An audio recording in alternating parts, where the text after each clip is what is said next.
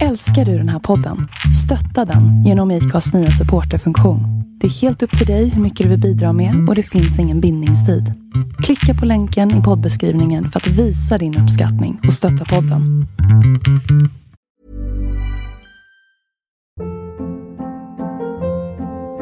Hold up. What was that? Boring. No flavor. That was as bad as those leftovers you ate all week. Kiki Palmer here, and it's time to say hello to something fresh and guilt-free. Hello Fresh. Jazz up dinner with pecan-crusted chicken or garlic butter shrimp scampi. Now that's music to my mouth. Hello Fresh. Let's get this dinner party started. Discover all the delicious possibilities at hellofresh.com.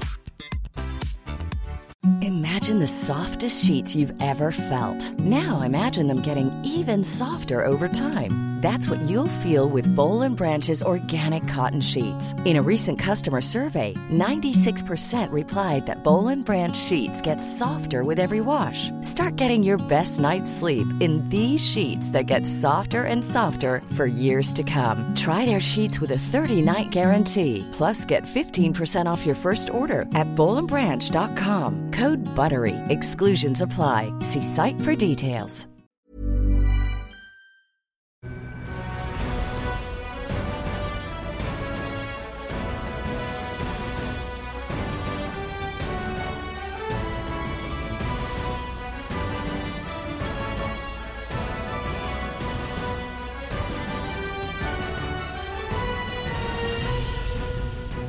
Varmt välkommen till eh, ännu en MotoGP-podd. Vi står eh, som vanligt hemma hos eh, Andreas Mårtensson i garaget. Andreas, hur känns det så här några dagar inför premiären? Jo, nu, nu känns det bra igen tycker jag. Jag har ju sett fram emot att vi ska dra igång det här och sen så fick vi ett mail under gårdagen där det stod att nej, det blir ingenting av detta. Det blir ingen Qatar på grund av coronaviruset. Det var, var order från högre ort att inga resor till Italien, inga resor till Asien. Och då blev man ju deppig. Jag fick lite puls också. Jag stod i skidbacken i liften faktiskt och läste det där. Kollade om, eh, om det var några uppdateringar. Ja, framförallt då skulle jag kolla om, eh, om du hade någonting att säga här inför, inför det här som vi står och gör just nu då. Eh, och så läste jag det där och kände att nej, vad blir det här? Det blir antiklimax. Det blir inte... Nej, det, kän- det kändes inte bra. Nej, det gjorde det inte. Men förhoppningen är att det blir avresa i alla fall, eller hur? Ja, sen så ändrades det lite grann där någon timme senare. Så att eh, nu är det sex dagar kvar till avresa. Torsdag spelar vi in detta, den 27. Mm. Sportlovsvecka. Jag har åkt skidor, det hörde ni nyss. Eh, försöker att gnugga in mina barn och eh, ja, jag känner mig rätt, rätt ansträngd i kroppen om man ska vara ärlig. Det är inte bara att det är inte bara stå ut för backen, det är ploga, det är lyfta, det är stånka, en hel del faktiskt. Så är det. Har du, har du vintersportat någonting själv? Det ligger faktiskt lite snö nu i Stockholm. Ja, det gör ju det och lite pulka idag med mina små barn. Det är inga, inga, inte skiddags för dem än riktigt. Får vänta något, något år kanske.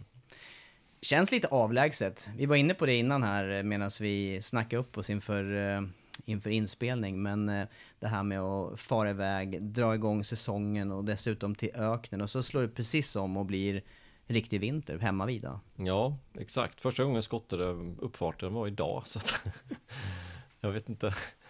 Det känns inte riktigt som att vintern har kommit. Men eh, den har nästan försvunnit och eh, nej, nu, nu ser jag fram emot Qatar. Det ska bli kul att säsongen drar igång äntligen. Nu har det varit två test eh, där man har fått känna på det lite grann. eh, Och eh, jag tycker det, det, det ser ut som att det kan bli faktiskt väldigt, väldigt jämnt i år. Vi konstaterade redan när vi eh, gjorde vår förra podd. Upplägget för den här podden är ju att gå igenom testerna framför allt. Sen också snacka Superbike-VM ska vi inte glömma bort. Premiär i helgen som kommer i eh, Australien. Visst är det bara om några timmar? Ja, det är om några timmar som Ja. helgen drar igång där. Just det. De ligger före. Fredag morgon. Mm. Eh, vi får prata vidare också om det här med coronaviruset. Det är ju faktiskt eh, all, en, ett allvarligt läge i världen, eller rättare sagt spridningen är ju eh, det som rapporteras mycket om och det, det kommer ju kunna påverka eh, även det här mästerskapet och det har ju redan påverkat andra idrotter också. Och sen har vi, eh, eller du framförallt, några filmtips inför, eh, inför motorsäsongen. Absolut. Ja, de, de tre som jag ska tipsa om, det får man inte missa om man är MotoGP-fan men även eh, motorsportfan. Mm. Först och främst då, testerna här. Det är färre tester än vad, eh, än vad det har varit eh, förr om åren och eh, det gör ju de här testdagarna extra viktiga och eh, nu har man alltså gjort det avslutande testet på den banan där premiären är. Det är återigen eh, eh Losail International Circuit och eh, Qatar alltså. Eh, en helt annan bantyp än Sepang där förra testet var på. Men här får vi ju nu en, en känsla av i alla fall vad, vad som komma skall och jag tycker du ändå summerar det här redan inledningsvis med den här jämnheten och tätheten tidsmässigt. Det är ju så här som man nästan, man står på tå när man läser de här listorna efter, efter de dagarna som har varit. Ja, man gör det. Det är, det är faktiskt inte det är inte lätt tippat. Nu ska, vi, nu ska vi inte tippa här hur det går den här säsongen. Det ska vi göra i nästa podd. Men, men eh, det, det, är extremt jämnt. Tittar vi på, på senaste testet då, alltså topp 18 inom en sekund. Crutchlow 18. Och äh, det, det, det, ser väldigt, väldigt lovande ut tycker jag för en väldigt bra säsong. Och sen som vi var inne på redan i förra podden så eh, är Mark Marquez, han är inte helt hundra. Honda är inte helt hundra. Ehm, och det är nog någonting som krävs för att det ska bli ett bra mästerskap eller ett jämnt mästerskap. Vi kommer få se väldigt bra race i vilket fall som helst, men just att inte han drar iväg poängmässigt och det finns faktiskt, eh, som man säger, det finns förutsättningar för att han inte gör det. Mm dels då operationen och eh, axelskadan. Det har han sagt att han inte är fullt återställd och han framförallt de här uh, hans signum, räddningar och när han pressar med armbågen och, och sådana saker. Har han inte riktigt lika lätt att göra åt, uh, åt det hållet som han är opererad på i alla fall. Någon typ av nervskada som han åkte på denna gången och det gjorde han ju inte förra, förra säsongen och då opererade han andra axeln och då fick han inte det här problemet. Men det var någonting i den här operationen som kanske inte gick riktigt helt enligt plan. Och de skadade en nerv och då måste han bygga upp musklerna runt omkring. Men det räcker inte riktigt för Marcus eh, och hans känsla, verkar det som. Han hade flera krascher även i Qatar så att det, det stör honom och det var vi också inne på förra, förra podden när det gäller just Honda att Crutchlow sa att den här cykeln hade ännu mindre känsla för framhjulet. Och det är ju inte, det är ju en sån sak som faktiskt kan avgöra det här mästerskapet för att vi vet att Marcus kör mycket på Alltså han får många framhjulssläpp, han reder ut dem, han kör mycket på framhjulet. Om man har bara det yttersta lite mindre känsla och han går omkull några gånger istället, ja men då, då är det helt öppet. Fullständigt helt ja, öppet. Jag, jag tänker dels om man går omkull eh, på race, men också den här eh, möjligheten, eller risken ska vi säga, att skadas. För jag menar, det är, vi såg några ganska häftiga krascher även under fjolåret där ja, det kan ju smälla i ordentligt. Och ja. Det, det ja, går ja. fort när det, när det, det går fort när det går fel. Ja, så är det. Ja, det är Honda och, och, problem där och det, det ser vi alltså tydligt då. Och Marcus har ju varit den före som har lyft och gjort Hondas resultat mer eller mindre ensam. Du nämner Crutchlow här, men Nakagami också opererad här inför säsong och han tog ju ännu större höjd med sin operation men är inte heller helt återställd. Nej, eh, han hoppade ju till och med av de senaste, eller sista racen förra säsongen för att få ytterligare tid men det verkar inte Nej det verkar inte vara hundra för Nakigami heller och sen har vi Alex Marquez som är, han är ju rookie i klassen och har gjort det bra hittills, inget snack om den saken men han kommer ju inte vara med och utmana mästerskapet eller vara någon, någon ledande för oss Honda utan det är ju Mark Marquez som kommer vara det.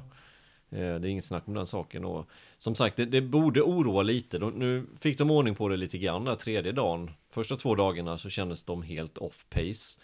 Sen så byttes det lite kåpdelar och lite olika aerolösningar från Nakagamis för fjolårshoj till årets hoj och sen gjorde lite back-to-back tester och, och sen när testet väl var slut, ja men då, då var ju Mark Marquez ganska nöjd ändå med testet.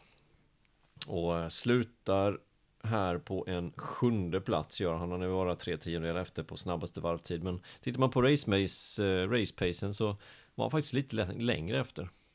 Men det är också lite oroväckande tycker jag då för Honda och Hondas del att, eh, att gå tillbaka sista testdagen och jag menar då borde ju, det borde mycket vara på plats inför säsongen och, och då börjar man laborera och, och, gå tillbaka till någonting som har varit. Det är inte riktigt, eh, det har inte varit Hondas melodi tidigare i alla fall att göra så. Nej, nej, det är ju ett tecken på att inte det står rätt till riktigt. Att man måste göra sådana dramatiska förändringar sista dagen. Eh, men som sagt, det som, det som oroar Honda mest och borde oroa Marcus det är just den här känslan för framhjulet och just styrkan han har i axeln. För det är som sagt det är bättre i så fall att vara någon tiondel för långsam än att behöva köra på den här gränsen och vara ytterst nära på att krascha hela tiden. För till slut kommer krascher och då nollar man. Eh, och då får man problem.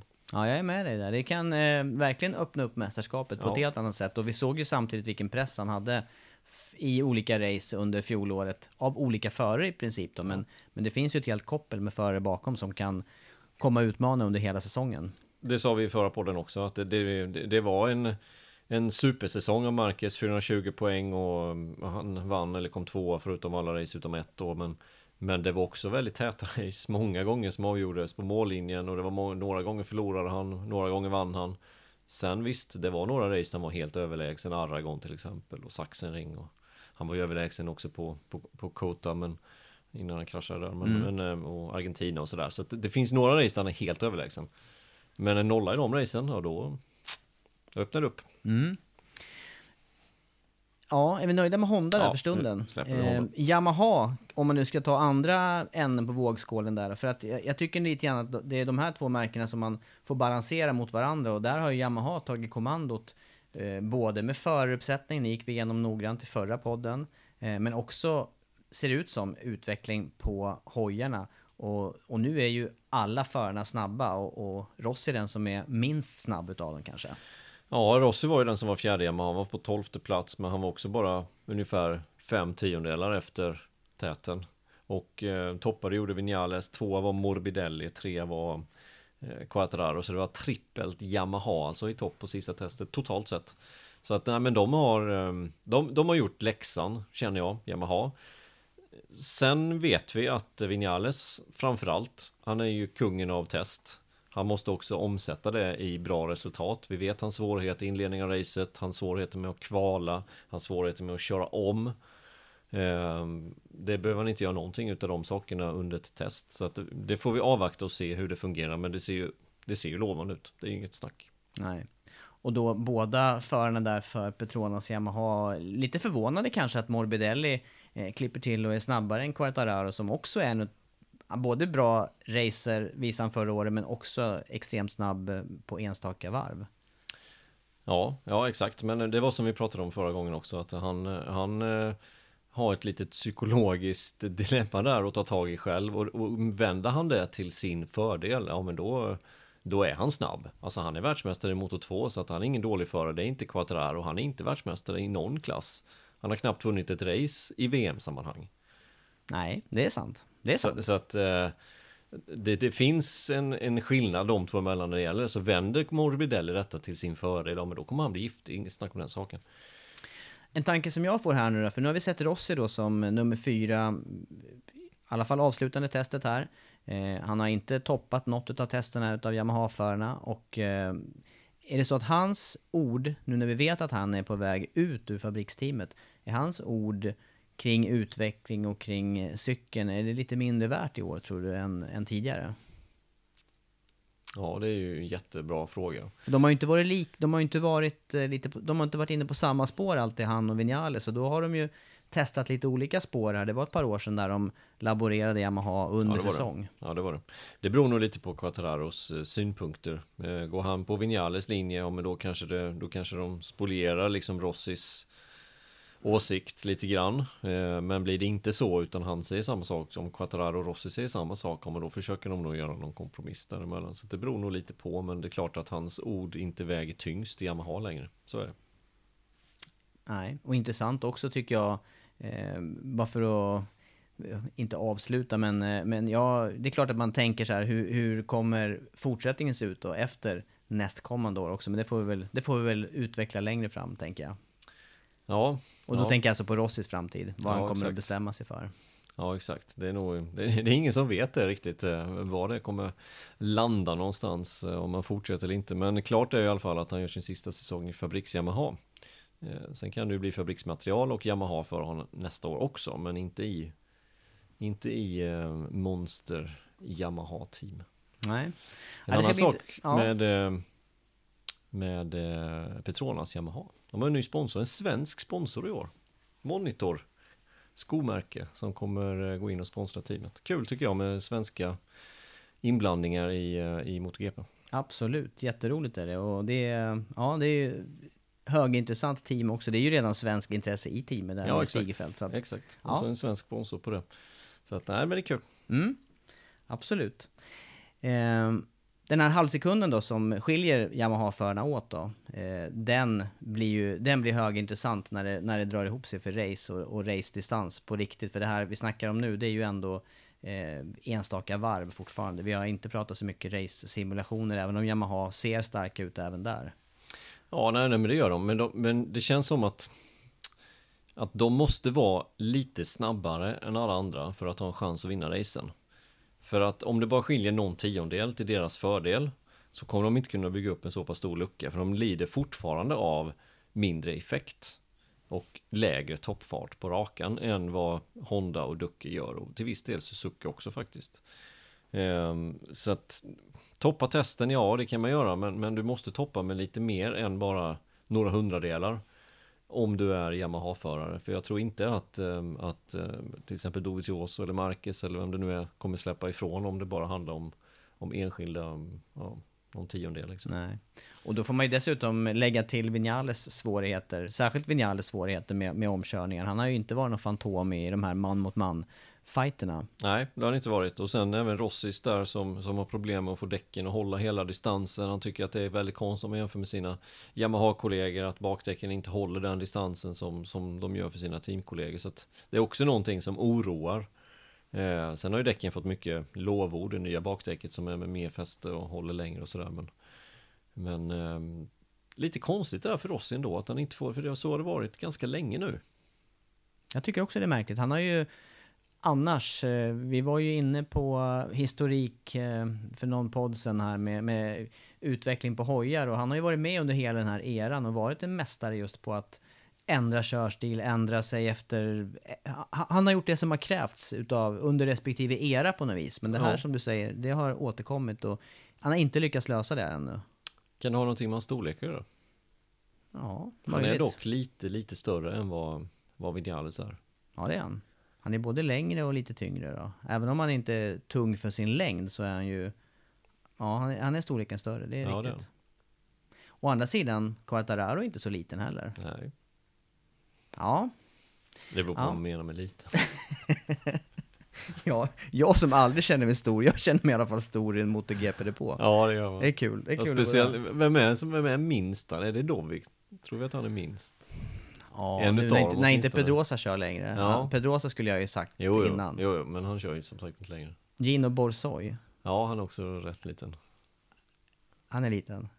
Nej, men eh, det är, av MotoGP, ja det, är- det är nog eh, som du säger där, Dovizioso är inte stor heller. Nej, Varken lång eller tung. nej. Nej, det ser rätt roligt ut han och Petrucci, de går hand i hand tänkte jag säga, men de går jämte varandra. Ja. Men vi får se, nästa torsdag då är det fotografering på startplattan i Qatar. Ja, då kan vi jämföra. Då kan man jämföra alla förare. Vinterformen. Ja, exakt. Hur är din vinterform då? Ja men den är faktiskt hyfsad. Jag vet inte vad jag, vet inte vad jag ska säga, men jag känner mig faktiskt hyfsad i form, även om jag inte hinner träna riktigt som jag ska. Men på något vis så tar det väl energi att hålla igång fyra ungar och ja, en sån här skidvecka. Jag tror inte, jag kan nog inte säga att jag har gått upp direkt i, i någon viktklass. Nej, nej, det gör man nog inte. Jag Det tror inte det. Nej, vi får se när skinnstället ska på. Det Ja. blir ju faktiskt, eh, det, det blir ju en bordvarv i Qatar, det blir Just det. spännande.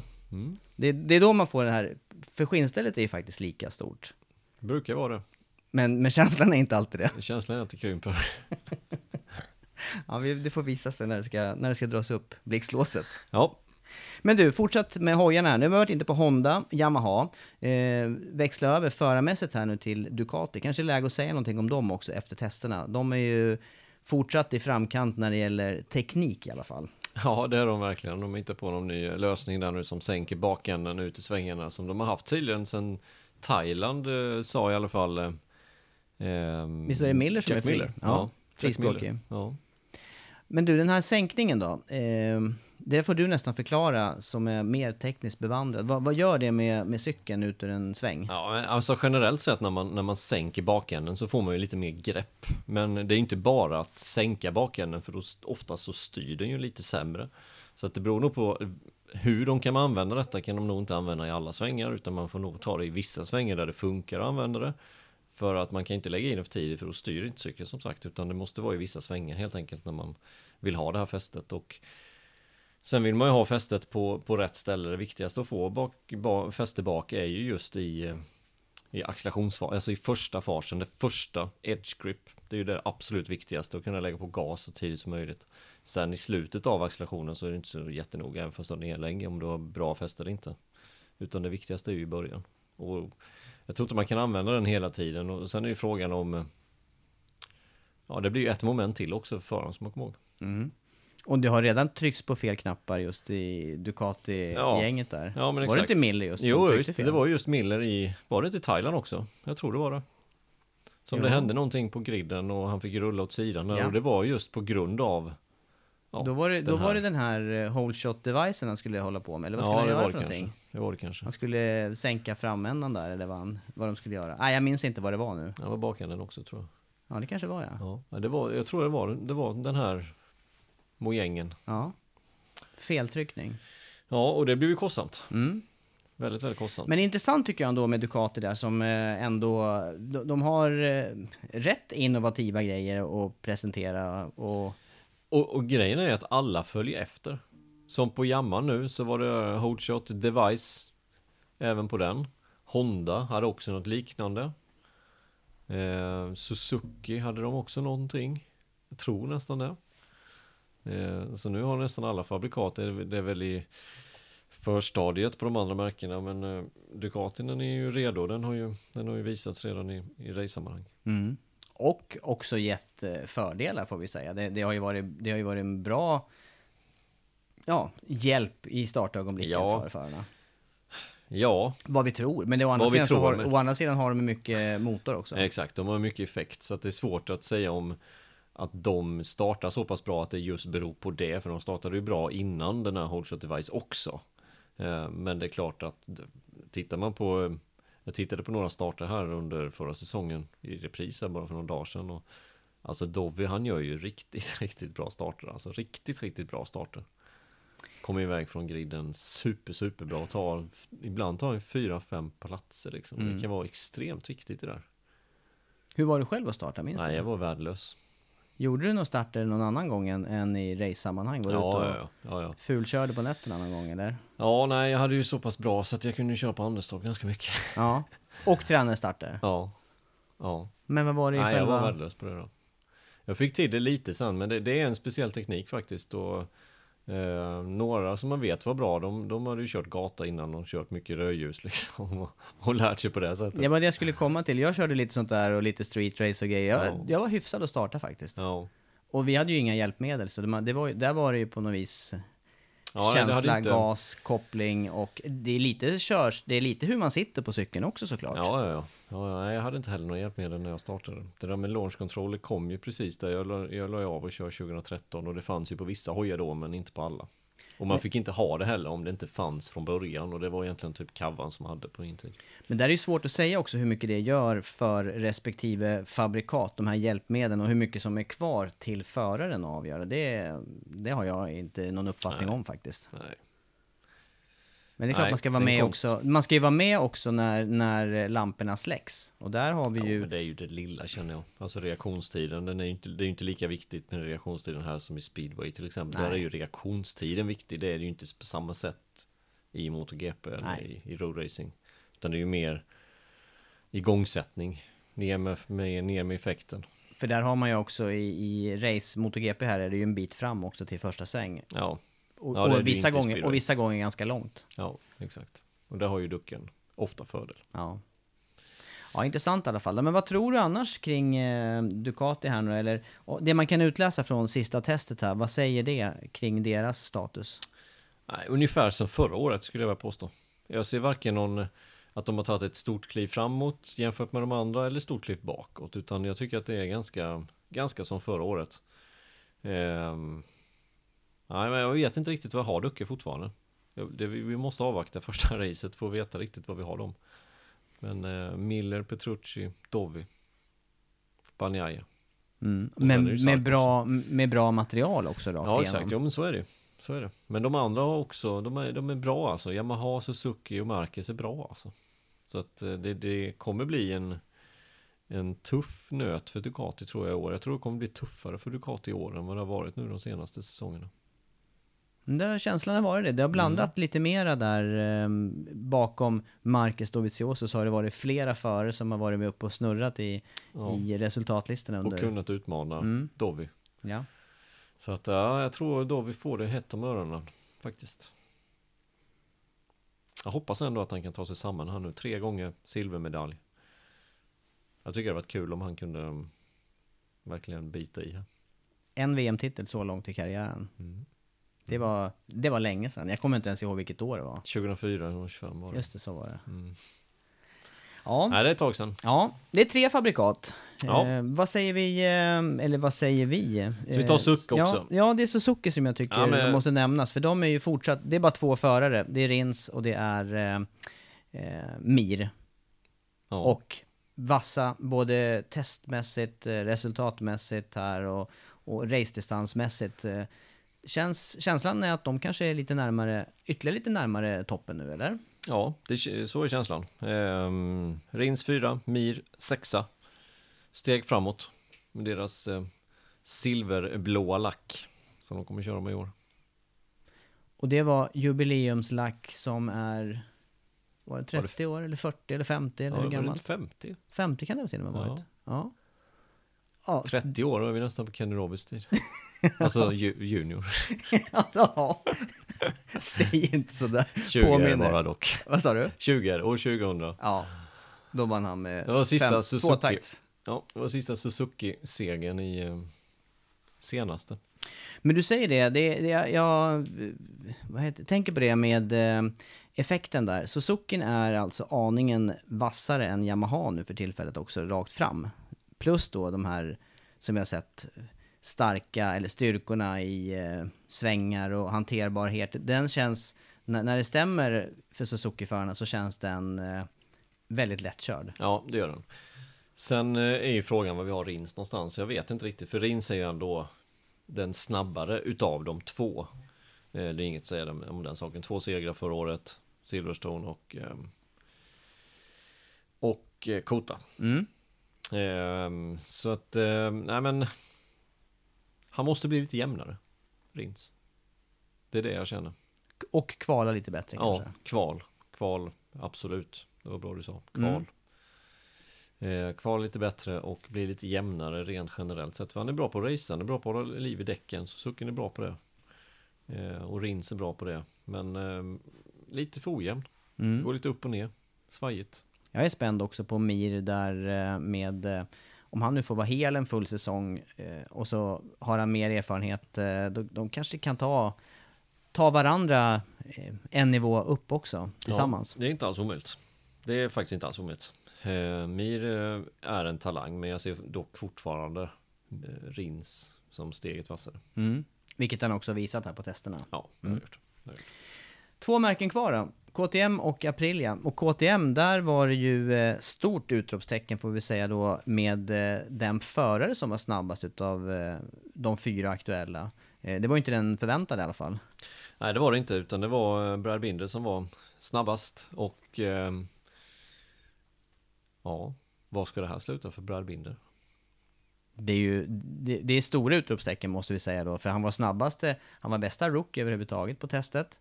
Eh, och han var snabbast utav eh, KTM-förarna där. Eh, och ja, det, någonting har ju, det har ju känts som när man tittar på hans körstil i Moto 2 att det här kan vara någonting för KTM i MotoGP. För han är Ja. så aggressiv och så eh, hård som, eh, lite som vi ser Paul Espargaro är. Ja, ja men det är han. Eh, och det är precis vad KTM eh, behöver helt enkelt. Det är just den här aggressiva körningen som, eh, som Binder eh, bjuder på. Eh, jag är jättespänd på Binder. Vi har, ju, vi har ju pratat om Binder i många säsonger att eh, han är riktigt vass och kommer att eh, vara riktigt vass.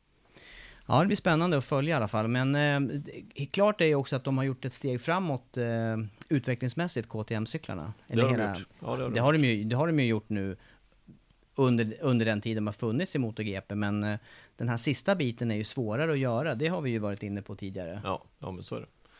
Så är det. Nej, men jättespännande att, eh, att följa eh, Brad Binder och frågan är Frågan är om inte Oliveira får se upp ändå. Nu, nu sitter Oliveira fortfarande då i, i satellitteamet. Binder hoppade ju över satellitteamet eh, i och med Sarkos eh, farväl. Eh, frågan är om inte Binder ändå kommer vara vassare än Oliveira. Vi, har, vi, vi, gav mycket plus till Oliveira. Jag gjorde åtminstone under förra säsongen, men frågan är om inte Binder kommer överträffa det. Mm. Ja, det, de första testerna visar ju det i alla fall. Ja, det gör det faktiskt. Mm, det gör det. det. Ja, det, blir nyf det är nyfiken att se hur det kommer att utvecklas och också det här med att, eh, att tiderna är så pass jämna som de är här nu med, eh, med alla sex fabrikaten också. Aprilia med stor eh, förändring till den här säsongen.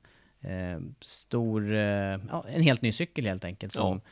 som Malaysia Spargaro kommer att få bära fram framför allt får vi säga. Ja, nej, men så är det. Den ser mycket bättre ut den här cykeln än eh, vad den gjorde förra säsongen. Och ehm, ja, frågan är ju vad som händer med Andrea Iannone.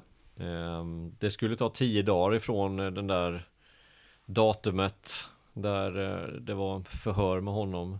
Men vi har inte fått reda på någonting sen, sen dess. Det är helt locket på så att Ja, vi vet ju inte, men troligtvis kör han ju inte nästa helg i Qatar. Det kan, Nej, jag och kan då- knappt tänka mig det. Nej, och då är det Bradley Smith som är Ja. den aktuella föraren, eller hur? Ja, ja, så är det. Så är det. Sen kan vi ju säga det också att man har ju signat eh, Lorenzo Savadori som testförare och ja, det, Ja. det kanske säger någonting också i det här. Jo, det gör det. Det gör det. Eh, att han ska ta över Bradley Smiths eh, styrning där då som testförare medan eh, Smith ska ta klivet upp som eh, ordinarie förare. Vi får Mm. väl se helt enkelt vart, vart det slutar. Ja, avslutande testerna i eh, Qatar alltså och eh, mer inför racet i nästa MotoGP på. Hey, it's Danny Pellegrino from Everything Iconic. Ready to upgrade your style game without blowing your budget? Check out Quince. They've got all the good stuff shirts and polos, activewear, and fine leather goods, all at 50 to 80% less than other high end brands. And the best part? They're all about safe, ethical, and responsible manufacturing. Get that luxury vibe without the luxury price tag. Hit up quince.com slash upgrade for free shipping and 365 day returns on your next order. That's quince.com slash upgrade. Hiring for your small business? If you're not looking for professionals on LinkedIn, you're looking in the wrong place. That's like looking for your car keys in a fish tank.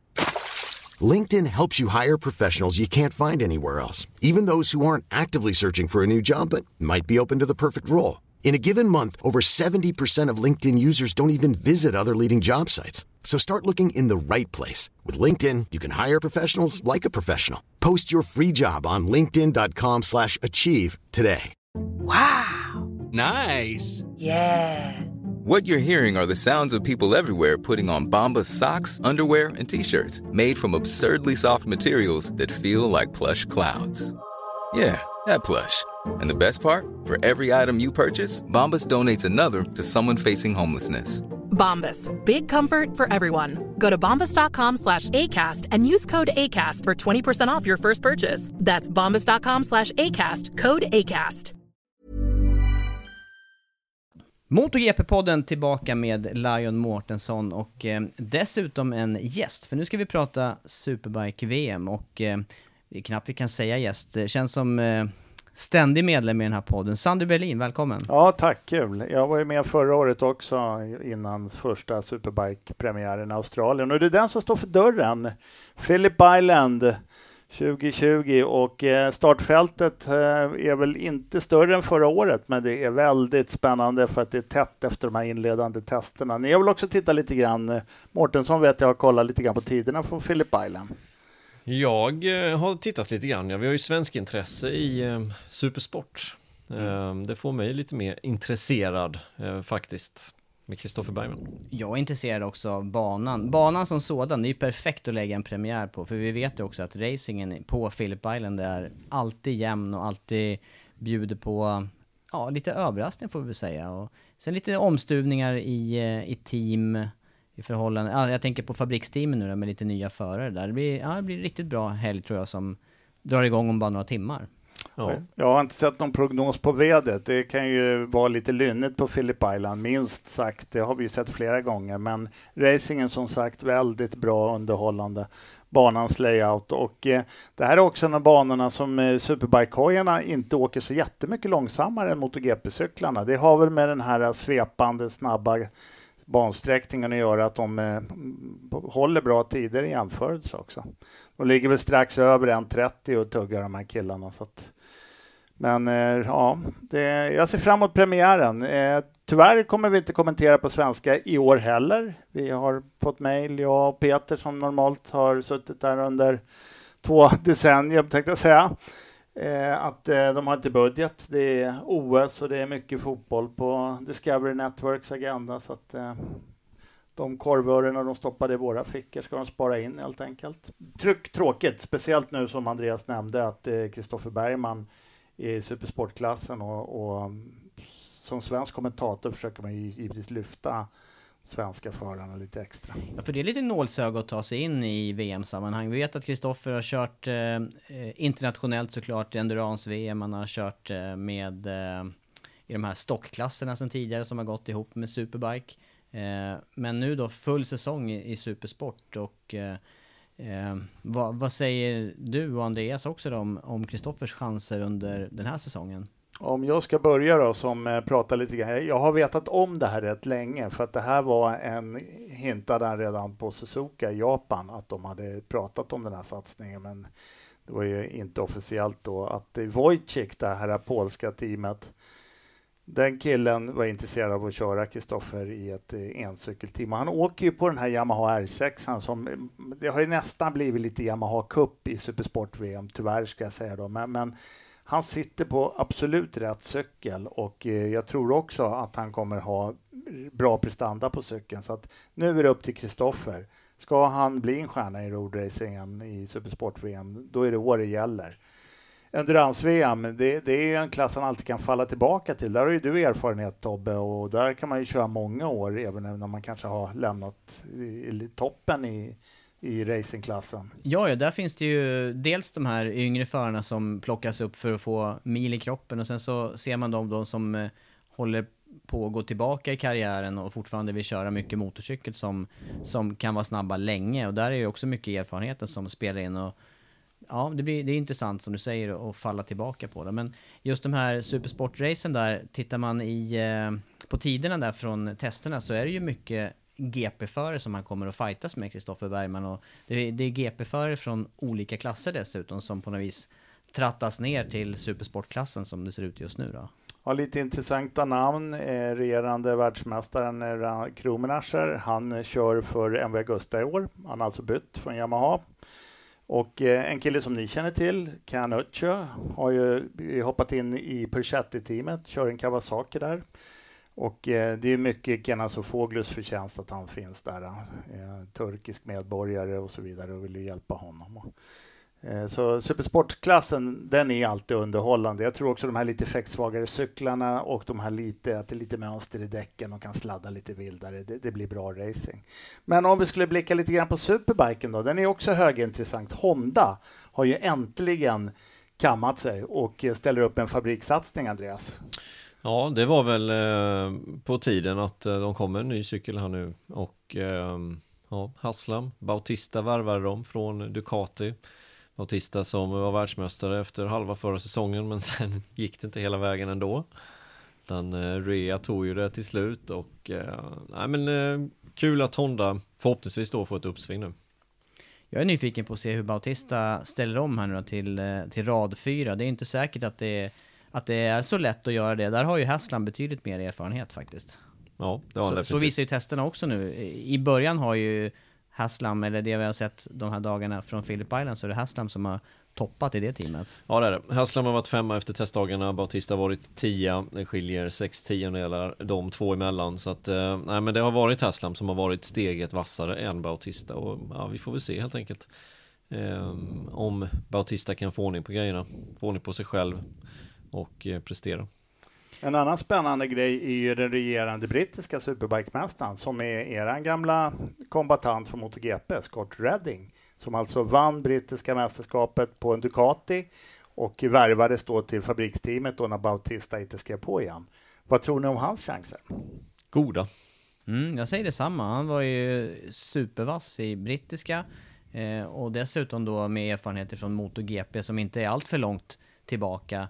Eh, jag tror också han kommer vara vass i år i Superbike-VM. Ja, ja alltså han är ju en av dem som på allvar kan utmana Rea, så jag vill säga.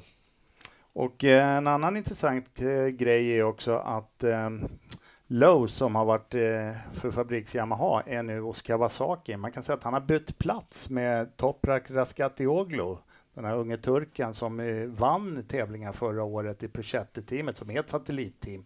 Kör alltså fullfabriks i år och då har Sam Lowes helt enkelt fått ja, kliva åt sidan. Men han tog ingen dålig styrning för han var ju teamkompis med Rea i fabriksteamet istället. Mm. Som Haslam fick lämna. Så att, eh, ja, det är mycket rockader i år i Superbike-VM. Ska bara poängtera det en gång till. Alex Lowe's, inte Sam Lowe's. Ja, Sam Lowe's i Moto 2, Ja, det. tvillingbror med Alex Lowe's som vi pratar om här i Superbike VM. De kanske kan ta varandras styrning Det tror jag de kan Det göra, är för en, de är en bra extremt idé lika. Kanske ingen som reagerar om Nej, de är på... det, nej, nej, nej, nej. Nej. Det- Det är samma fingeravtryck och DNA i samförhållanden då. Ja, exakt. Och samfållan är ju tyvärr någonting som båda de här killarna har en vana att vara. Jag tycker i och för sig eh, Alex Lowe's var lite mindre eh, omkull förra året. Men, men eh, ja, och att de inte slår sig de här killarna heller. Det måste vara riktiga gummigubbar de där som sprattlar upp igen. Ja, det känns så faktiskt. Ja, men intressanta rockader där, men, men återigen, eh, Ray är alltså snabbast efter testerna och det har ju varit han som alla måste mäta sig mot de senaste säsongerna. Är det, är han, är han så vass han, ja vass vet vi, men, men trots det här, som du säger nu Sander, med nya förare, rockader och, och dessutom Honda in, kan han ta en titel till? Det tror jag absolut. Eh, eh, han kan de här banorna som eh, sin egen innerficka, så att eh, räkna aldrig bort honom. Han är dessutom jämn. Förra året så drabbades han ju inte av panik eller hybris när Bautista radade upp 11 segrar i inledningen, utan han tog andra platser. Det vart någon tredje plats på Assen efter van der Mark. Men sen så var han där och åt upp avståndet och så fort Bautista började krascha och nolla, då var han i kapp och förbi. Och han vann rätt stort till slut, mästerskapet ska vara klart för oss. Men jag vill också höja ett varningens finger för Loris Bass. Han kom in mitt i säsongen förra året på en Tenkate Yamaha. Tenkate som alltså eh, la ner när de eh, förlorade sitt samarbete med Honda, men kom tillbaka mitt i säsongen förra året med Yamaha.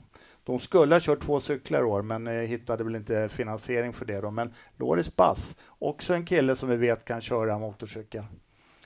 Och det var ju faktiskt en av de förarna som, eh, visst var det här under vår tid Andreas? Eh, när Bass fick kliva åt sidan i MotoGP. Det, det kändes inte som att han var den...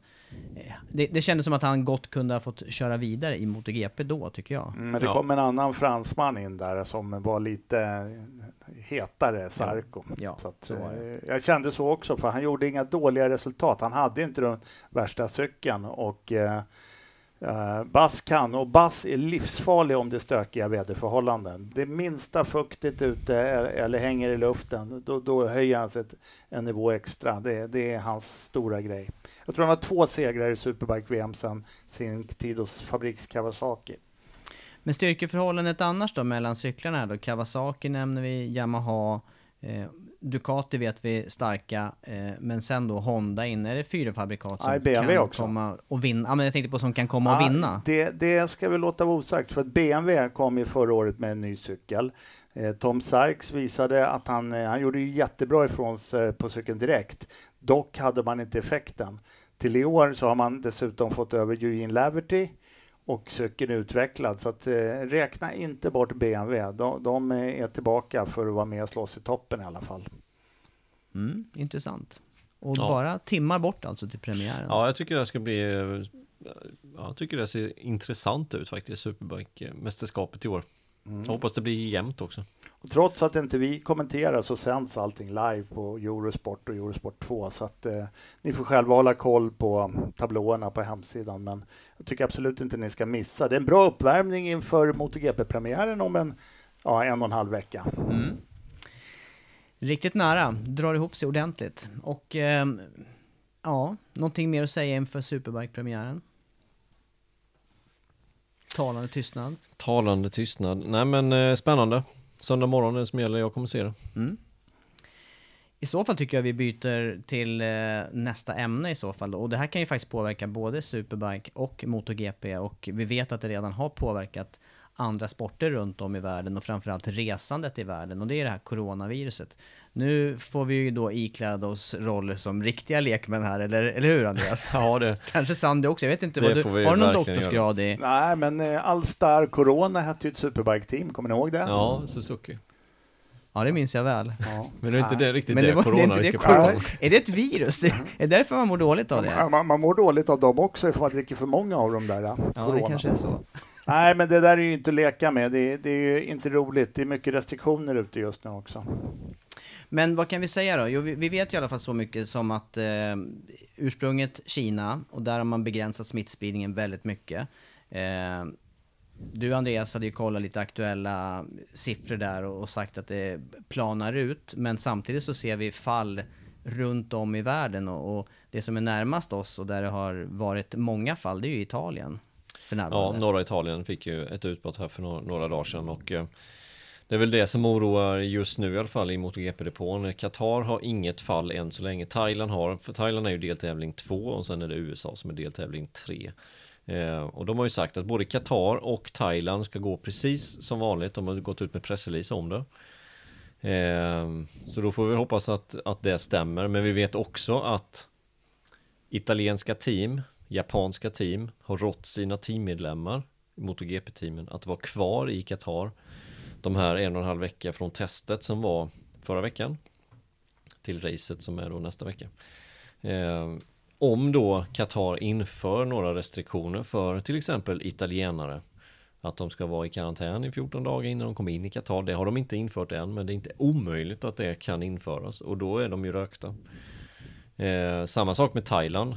Om man alla, hela depån åker till Thailand och sen inför USA något liknande till Thailand, ja då blir det inget race i USA. För det är ju bara 10 dagar där mellan man måste lämna Thailand tills att man måste åka in i USA. Och det är väl det som oroar mest skulle jag tänka mig. Och det som redan har skett då, det är ju till exempel att man har ställt in eh, Formel 1 och Formel eh, E i Kina, deltävlingar där. Eh, Ja, men det, är kanske min, det är kanske mindre märkligt då, men, men eh, jag snackade lite grann också med Janne Blomqvist här inför Formel 1-premiären och de har ju fått lägga om sin resrutt till exempel till Australien där premiären är. Ja, och vi fick ju också som sagt, eh, som vi sa inledning på podden här, eh, ett mejl där vi inte skulle åka till Qatar, sen blev det ändrat. Eh, nu är vi tillåtna att åka till Qatar, så att eh, det, det sätter lite, lite skräck i eh, allt möjligt här. Eh, men som sagt, MotoGP har sagt det senaste som de har sagt är att de kommer följa ländernas rekommendationer helt enkelt, eller ländernas regler som kommer gälla. De kommer inte ta några egna, som det ser ut nu i alla fall, beslut att nu kör vi inte där eller nu gör vi så här.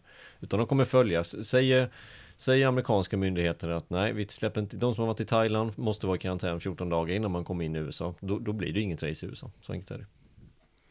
Nej, spontana känslan från dig då Sandy? Vad- Ja, du? vidare. Vi ska ju åka till USA. Jag ska ju hänga med er. Jag ska ju förmånen att hänga med både i Qatar och i USA. Så att, eh, jag hoppas verkligen att den här eh, smittan dämpar sig, att de hittar något vi-vaccin mot det. Och, Ja, vaccin lär nog dröja dock, enligt rapporterna som kommer. Men att man gör någon, att det, att det på något vis i alla fall begränsas då med eh, smittspridning, det får man väl verkligen hoppas. Och det, är ju, det gäller ju generellt för hela, för hela världen då. Men trots allt så är det ju eh, också så, ska vi säga, det är ju eh, efter alla rapporter riskgrupper som är hårdare drabbade och som löper större risk och, och andra som så är det helt enkelt en virusinfektion som andra. Fast, fast människan inte är lika förberedd för den. Ja, och, och det vi kan diskutera här och, och sådär, det, det är ju mer vad MotoGP kommer att göra. Vad de har för eh, tankar och idéer. Och eh, precis som jag sa innan så kommer de följa ländernas restriktioner, rekommendationer. Det är det som, som gäller. Just nu åtminstone. Eh, men det är klart att skulle Qatar till exempel införa att nej men nu släpper vi inte in italienare som inte har varit i karantän i 14 dagar. Då blir det ju inget race i i Qatar. Så enkelt är det ju. Det är väldigt tunna startfält i alla fall. Ja, exakt. Ja, men, men man, man, de kan ju inte köra utan Dovizioso och Rossi på griden. Det, det, Det, går, det, funkar ju inte. Men, nej, det, det funkar ju inte. Det har jag mycket svårt att tro att de kommer släppa igenom det, utan då, då kommer ju deltävlingen bli inställd i så fall. Jag tror vi ska hålla tummarna för att eh, det inte blir några restriktioner under Ja. de närmsta dagarna i alla fall. Mm. Ja, absolut. Ja, för det är ju, det är ju verkligen så. Det är de närmsta dagarna vi snackar om och sen är det, sen är det igång och, och sen får man ta ställning vart efter då i de här länderna som du nämner Andreas, första deltävlingarna, Qatar, Thailand och sen USA. Ja, och sen är, sen är det ju, sen är Argentina efter det och Sydamerika än så länge har väl bara ett fall, tror jag, bekräftat fall. Eh, sen är det ganska lugnt i Sydamerika, just nu i alla fall. Men som sagt, det är ju en månad Då kanske bort, de säger att- nej istället för att släppa in det här Ja, gänget. exakt. Så skulle det kunna vara. Absolut. Släppa in eh, folk som har varit i Italien. Kors och tvärs i hela världen egentligen. Man vet. Mm. Ja, Nej, det, är- det är ingenting vi kan göra någonting åt vi egentligen. kan inte spekulera så mycket mer Nej, det här kan vi inte göra, utan det är MotoGP har sagt, de kommer följa reglerna som gäller, punkt slut. De kommer inte komma på några egna regler, inte så som det ser ut nu i alla fall. Ja, det om coronaviruset. En eh, ytterligare punkt i den här podden och, det gäller filmtips. Jag tänker faktiskt börja med Sandy här. Ser du mycket filmer om racing och eh, ja, det kan gälla bilar, motorcyklar eller annan typ av racing? Inte mycket, men jag, eh, när jag ser dem så gör jag det gärna. Jag såg den här dokumentären om Ronnie Pettersson på bio, klockren. Jag har sett eh, kultfilmen Silver Dream med David Essex i huvudrollen på, på en hembyggd motorcykel. Det är det absolut sämsta film som du kan hitta. jag har inte lagt den där titeln på minne. Vad- handlar den om då? Bara Ja, det är ett, eh, en egenbyggd eh, brittisk motorcykel och man kör alltså med Heron Suzuki-gubbarna som statister på Silverstone och massa banor. Det är 70-talsrulle och David Essex var ju popsångare som hade huvudrollen. Och eh, till slut så vinner ju den här eh, Silver Dream-cykeln. Googla gärna Silver Dream motorcykel. Och eh, så går han i mål, ställer sig upp och händerna i luften och så exploderar cykeln i ett eldhav och så är filmen slut. Det är en riktig kalkonrulle, så den eh, kan jag inte rekommendera. Jag påminner mig sådana här gamla böcker fanns eh, när jag växte upp, när jag var liten till och med. Det var någon som hette Honda-gänget. Där jag tror att det var någon som raceade lite grann i någon handling där och man försökte drömma sig in i det där. Men jag är ju inte heller uppväxt med filmer om racing. Däremot har jag sett, som du säger här, eh, dokumentär om Ronnie Pettersson och, och de här, eh, och, och även om Senna, eh, om hans karriär. Och, jag, jag kan säga att jag blir biten och det, det är intressant att komma lite in under skinnet på förarna i de här filmerna, det, det måste jag säga. Ja, ja men visst är det det. Men, Men, dina, din, dina filmer som du pratar om, eller som du tänker eh, ta upp här nu då, eller dina erfarenheter först kanske Andreas? Ser du mycket filmer om racing? Nej, det kan jag inte påstå. Jag tycker inte att det stämmer så mycket. Det är klart jag har sett dem som ni nämnde här nu, Faster och Fastest och Senna och allt vad de heter. Men eh, Inte Det väl- Silver Dream då? nej, nej den har jag inte sett. Den verkar Bra. inte som att jag ska Det se har den inte jag här. heller sett faktiskt. Kanske efter det här sen, jag tycker det låter lite roligt. Men, eh, nej men eh, jag tycker väl att de flesta är sådär. Om jag ska, de, man kan titta på dem absolut, men eh, jag tycker ju om det där när man verkligen eh, kommer in i en förare på något sätt. Det där eh, in i tankeverksamheten.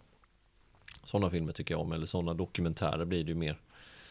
Som jag tycker är intressant. Jag tycker till exempel de här när man, eh, när man får se förarna bakom kulisserna i F1 till exempel. Det tycker jag är jätteroligt. Ehm, jag tycker det är kul att se den här lilla färden de brukar ha till prispallen och deras snack och sådär efter ett race i MotoGP. Superintressant, sådana saker, det tycker jag är kul.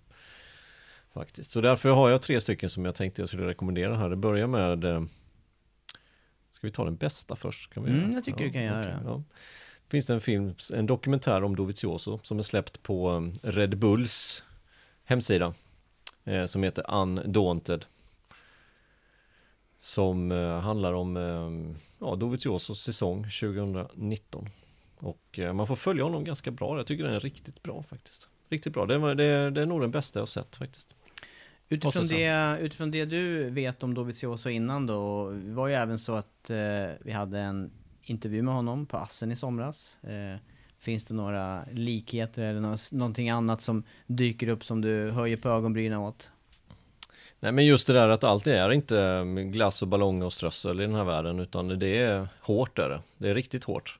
Och ehm, det går inte riktigt att jämföra med en lagsport heller. Jag, jag funderar på det, tittar på lite sådana lagsportdokumentärer, hockey, fotboll och sådär. Det är inte samma sak riktigt det här. För att när, du väl, när, när lamporna väl släcks, då är det du och det är hojen, punkt slut. Det är ingen annan som gör det åt dig. Eh, det är väldigt utlämnande på något sätt. Gör du något dåligt, då är det du som gör dåligt, det är du som är straffad för det. Eh, dessutom så är det föraren som utsätter sig för de här riskerna som det är att köra i 356 km h det går inte att glömma det och det är då vi är inne lite på det också. Just det där med rädsla och sådana saker. Och, nej, väldigt, eh, nej, rekommenderas. Gå in och titta på den. Jag får, det som faktiskt poppar upp i, i mitt minne när jag hör dig beskriva det här, det är lite, det är inte rena filmer så, men eh, intervjuer lite mer på djupet med de här förarna som har vunnit många gånger på Isle of Man. Och jag minns några uttalanden där just kring, kring starten och känslan när man står på, på griden och ska iväg. Och där startar man ju en och en dessutom. Eh, så man har ju inte ens sina konkurrenter i sikte i stora delar, utan man gör det, man gör det själv. Och ja, det var ju flera av dem som jämförde det med vad de trodde var känslan att dra ut i krig eller stå först i fronten eller någonting. Alltså det, man, man får själv ta smällen när det går illa liksom. Och Ja. det kan göra det egentligen, det kan göra det när som helst, för vem som helst. Och, och särskilt på Isle of Man måste man ju lägga till. Ja, särskilt där. Nej, men eh, jag fick den känslan när jag såg den här om Dovizioso att att ehm, hans kontrakt går ut efter den här säsongen. Jag har svårt att se att han går till något annat märke, utan han, han vill vinna mästerskapet. Kan han inte göra det så kan han lika väl eh, umgås med sin dotter eller någonting annat. Mm. Det, den känslan fick man. Så får han inte nytt kontrakt med Ducati, då, då tror jag han lägger av faktiskt. Ja, trist, för det är ju en färgstark kille att ha i depån. Men å andra sidan vet man inte, han kanske iklädde sig en roll som teamchef eller eh, riders coach eller någonting. Ja, Ja, vissa har ju, många har ju svårt att släppa den här världen, det Jag tror- ja, men, jag, ja. men han skulle kunna vara en sån som gör det. Som släpper helt och bara gör något helt annat. Ja, det, det kändes som att det är mycket press på hans axlar och han har, han har målet att vinna. Och eh, nej, men gå in och se den där. Jag ska inte säga för mycket vad som händer. Utan, Vad, eh, Bra- dra titeln en gång till. Undaunted, Undaunted. Mm. uttalades det så? Ja, det låter helt Han kommer även ha det på, eh, som namn i år på, på rumpan på skinnstället till exempel. Han, kommer, han har fimpat det där Desmo Dovi. Mhm. Utan nu kommer det stå Undaunted. Det är väl, han har väl kommit överens med sin, eh, sin shrink. Det är olika grejer där. Men Desmo, är inte det liksom tvångs... Det är väl tvångsstyrningen, ventilstyrningen, eller hur? Men vem vet, de kanske inte har dem kvar. Det kanske är hydraulik där uppe nu. Exakt, så nu finns det inget tvång längre Finns inget bakom. Desmo. Nej. Eh, nej men eh, det är väl något psykologiskt säkerligen som nu, nu, nu gäller det helt enkelt att slå Marcus. Men Mm. eh, jag tycker han har rätt inställning där också när, när han pratar om Marcus. Så det går inte att slå Marcus på hans, hans hemmaplan. Du måste hitta andra, andra vägar. Och så är det. Men det här är toppfilmen du, du Ja, tipsar om alltså, så okej. nu är det fallande skala här. Nu är det fallande nu är det skala. på sluttande planet. Ja men vi tar nästa som handlar om MotoGP också då. Då är det just om eh, Marcus. Jag tror det var sex eller sju delar på eh, MotoGPs hemsida. Eh, också jättebra om eh, Mark Marquez fjolårssäsong. Börjar även med operationen där som han gjorde inför förra säsongen. Nu gjorde han ju likadant i år. Så att, eh, ja, där ser man också liksom vad, visst han tjänar grymma pengar men det ligger bakom eh, rätt mycket arbete. Det Så ska är det. gudarna veta att de där killarna, de kämpar sig till att komma dit de kommer. Sen vet man ju inte om de har liten skjuts i och med att de är spanjorer, att de har ögonen på sig från ung ålder och får kanske lite mer professionell hjälp än vad man får på Så är det ju. Anderstorp. Ja, så är det ju. Men det är Och ändå nya som, kontraktet där för eh, Marquez ryktas ju vara 1,2 miljarder kronor på fyra år. Ja, ja, men sen är det som du säger där. Sen är det ändå föraren själv som är... Eh, ja, man kör ju med sig själv som insats på något Ja, vis. så är det ju. Ja, ja, På ja. riktigt. Ja, ja, ja. Jo, det har vi sett många gånger i den här sporten, hur, det, hur snabbt det kan gå åt pipan. Mm, faktiskt. Nej, men sen eh, den sista jag vill rekommendera det är eh, Drive to Survive på Netflix. Premiär imorgon. Alltså fredag den 28 februari. F1 är dokumentär, jag tror åtta delar. Det var, jag tror åtta eller tio delar, det var det förra säsongen. Riktigt bra. Och jag bara önskar att de gör en sån om MotoGP också, för den är, jag tycker den är riktigt välgjord. Och vad handlar det då om? Eller vad, vad skiljer den från eh, de här som handlar om MotoGP då? Ja, men den är gjord på ett annat sätt. De följer under hela säsongen liksom på något sätt. Där. Så att, ja, men den är, den är riktigt välgjord. De Det, har en det, bit det är kvar. kamerateam som är med hos teamet. Och, De har, de, MotoGP har en bit kvar för att komma upp i den klassen som Drive to Survive faktiskt. Det har de. Mm. Men man önskar att det vore samma insats i MotoGP. Det hade varit riktigt intressant, tycker jag. Kanske kommer då. Sen kanske det inte är liksom eh, målgruppen är kanske inte vi som är i det här rummet, utan en annan typ av målgrupp. Men det är ändå roligt tycker jag att se. Tre vassa filmer alltså. Det är någonting för oss att gå hem och kika på Sandy. Eller så kikar vi på dem tillsammans när vi reser iväg här nu om några dagar till Qatar. Ja, vem vet. Vi har väl lite tid att tillbringa på ja, tu man hand. Vi tre herrar. Det ska bli trevligt. Ja. Eh, jag ser fram emot det. Jag hoppas bara på väder, att det inte blir några eh, ja, stormar. Ser bra ut, ser bra ut. 26 grader sol här Ja. nästa vecka. Perfekt. Annars har man ju sett allt, nästan sett allt möjligt där med översvämningar och Hagel hagel. ja, exakt. Ja. Mm. Ja. Vi, vi ska hinna med ytterligare en podd innan det är dags för premiär i alla fall. Och eh, den här helgen alltså, eh, Superbike-VM-premiär, Phillip Island, Australien. Och sen så nästkommande helg eh, MotoGP-premiär i Qatar och dessförinnan ytterligare en MotoGP-podd. Dags att runda av, eller hur? Dags att runda av. Tack för idag.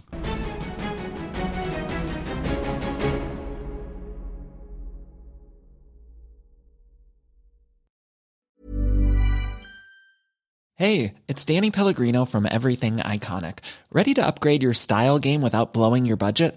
Check out Quince. They've got all the good stuff shirts and polos, activewear, and fine leather goods, all at 50 to 80% less than other high end brands.